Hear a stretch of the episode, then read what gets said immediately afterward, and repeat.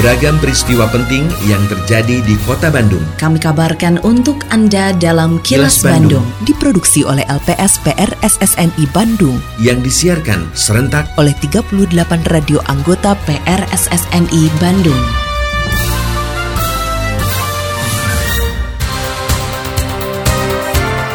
Sejumlah informasi aktual kami hadirkan untuk Anda dan inilah informasi utamanya. Kota Bandung nol kasus flu burung. DPRD upayakan solusi agar masyarakat tidak tergiur rentenir. Jawa Barat punya potensi besar untuk kembangkan iklim investasi. Saya, Santika Sari Sumantri, inilah kilas Bandung selengkapnya. Wali Kota Bandung Yana Mulyana memastikan hingga Jumat kemarin tidak ada kasus flu burung di Kota Bandung. Meski begitu, pemerintah Kota Bandung akan terus berupaya meminimalkan terjadinya penyebaran penyakit pada unggas tersebut. Yana mengakui Kota Bandung terbuka untuk transmisi penduduk ataupun hewan sehingga sangat bisa terjadi kasus flu burung. Oleh karenanya para peternak diminta untuk waspada dan rutin melakukan disinfektan juga segera memotong unggas yang bergejala. Yana juga menegaskan dinas terkait sudah mengantisipasi termasuk menyiapkan vaksin. Meski begitu, Yana mengaku belum menerima laporan adanya kasus flu burung di kota Bandung dan berharap tidak ditemukan kasusnya di kota Bandung. Kan kota kota Bandung kota terbuka ya. Eh, transmisi penduduk transmisi itu kan bisa bisa terjadi. Jadi kuncinya memang para peternak ya harus hati-hati juga. Eh, disinfektan terus. Terus kalau udah ada gejala ya potong. Dan kalau nggak salah DKPP juga udah antisipasi ya. Ada ada vaksinnya juga ya kalau nggak salah. Belum tapi DKPP juga belum lapor. Tapi data mah dasar data yang ada nggak ada ya. Jangan ada lah maksudnya. Bukan belum kalau belum mau bakal jangan ada karena ini kan ada transmisi dari unggas ke manusia flu burung ini mah Terkait dengan berita sebelumnya. Sekretaris Daerah Kota Bandung Emma Sumarna menegaskan bahwa aparat kewilayahan sebagai garda terdepan untuk koordinasi dengan dinas terkait untuk mewaspadai merebaknya flu burung. Aparat kewilayahan juga diharapkan menjadi pelapor pertama apabila ada hal-hal mencurigakan dan tidak sebatas menunggu adanya kasus flu burung. Seperti dilaporkan reporter Evi Damayanti, Emma mengatakan pemerintah daerah dan dinas terkait terus berkoordinasi karena lalu lintas unggas merupakan lintas daerah dan tidak bisa dipisahkan antara yang berasal dari lokal dan daerah lain.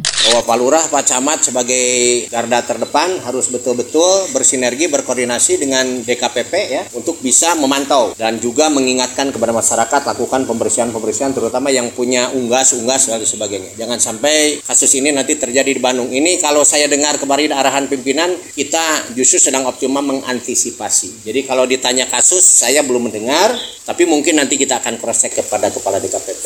Jadi unsur kewilayahan itu bisa menjadi pelapor pertama menyampaikan apabila ada hal-hal yang terjadi di wilayahnya itu harus segera cepat ditangani. Kalau eh, DKPP sifatnya hanya menunggu, kemudian unsur kewilayahannya pasif, tahu-tahu ada kasus, nah itu yang tidak boleh terjadi. Suara DPRD Kota Bandung.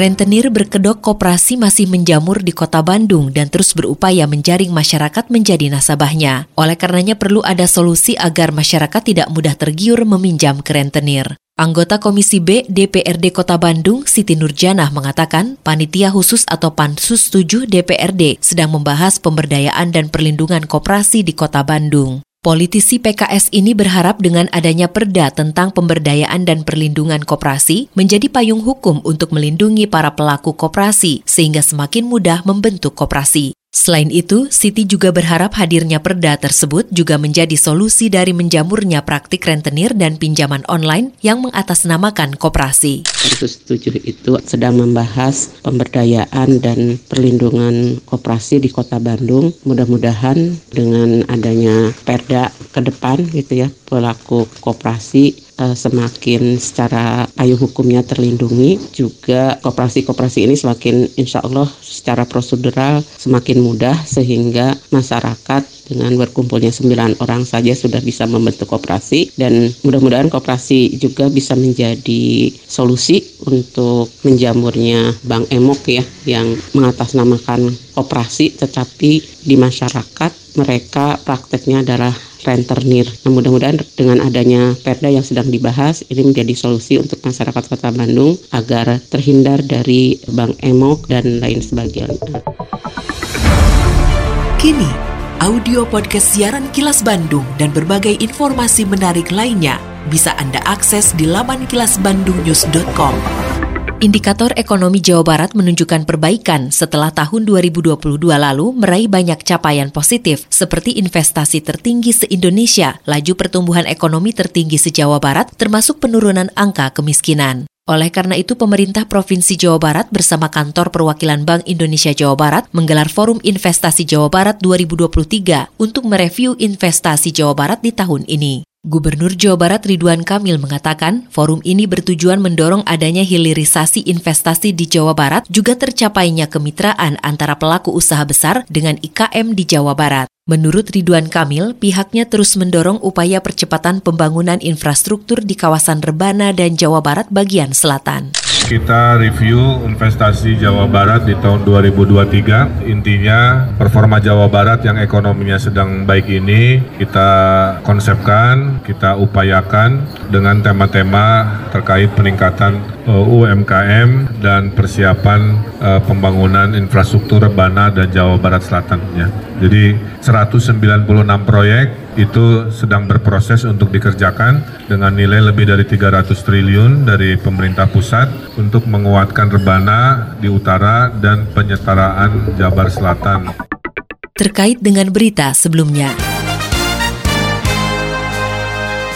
Bank Indonesia optimis realisasi investasi di Jawa Barat tahun 2023 yang ditargetkan 188 triliun rupiah dapat tercapai. Deputi Kepala Kantor Perwakilan Bank Indonesia Provinsi Jawa Barat Bambang Pramono mengatakan, Jawa Barat memiliki sejumlah potensi untuk merealisasikan target tersebut, antara lain yaitu kawasan Rebana dan Jawa Barat Selatan. Reporter Suparno Hadisaputro melaporkan, kantor perwakilan Bank Indonesia Provinsi Jawa Barat akan terus berkolaborasi dengan pemerintah daerah dalam menjaga iklim yang kondusif untuk para investor menanamkan modalnya di Jawa Barat.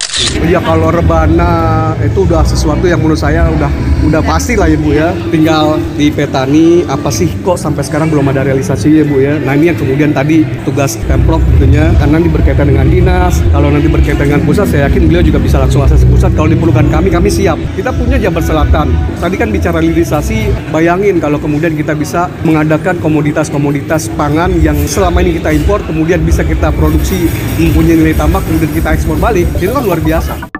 Ratusan warga kampung Cijengkol, Desa Wangunsari, Kecamatan Lembang, Kabupaten Bandung Barat mengalami keracunan massal usai menyantap hidangan di acara hajatan yang digelar di daerah mereka. Direktur Utama Rumah Sakit Umum Daerah Lembang, Ahmad Oktorudi mengatakan, warga yang diduga mengalami keracunan tersebut mengeluhkan sakit diare, lemas hingga pusing setelah menyantap makanan yang disajikan di acara hajatan. Namun tidak semua korban membutuhkan perawatan secara intensif di unit gawat darurat. Reporter Yudi Dirgantara melaporkan sejumlah sampel makanan yang dikonsumsi warga telah dibawa untuk dilakukan pengujian di laboratorium. Jadi belum ke kategori berat, alhamdulillah ya. Tidak ada yang perlu dirawat intensif di care unit, nggak ada di ICU, nggak ada, cuma dirawat inap.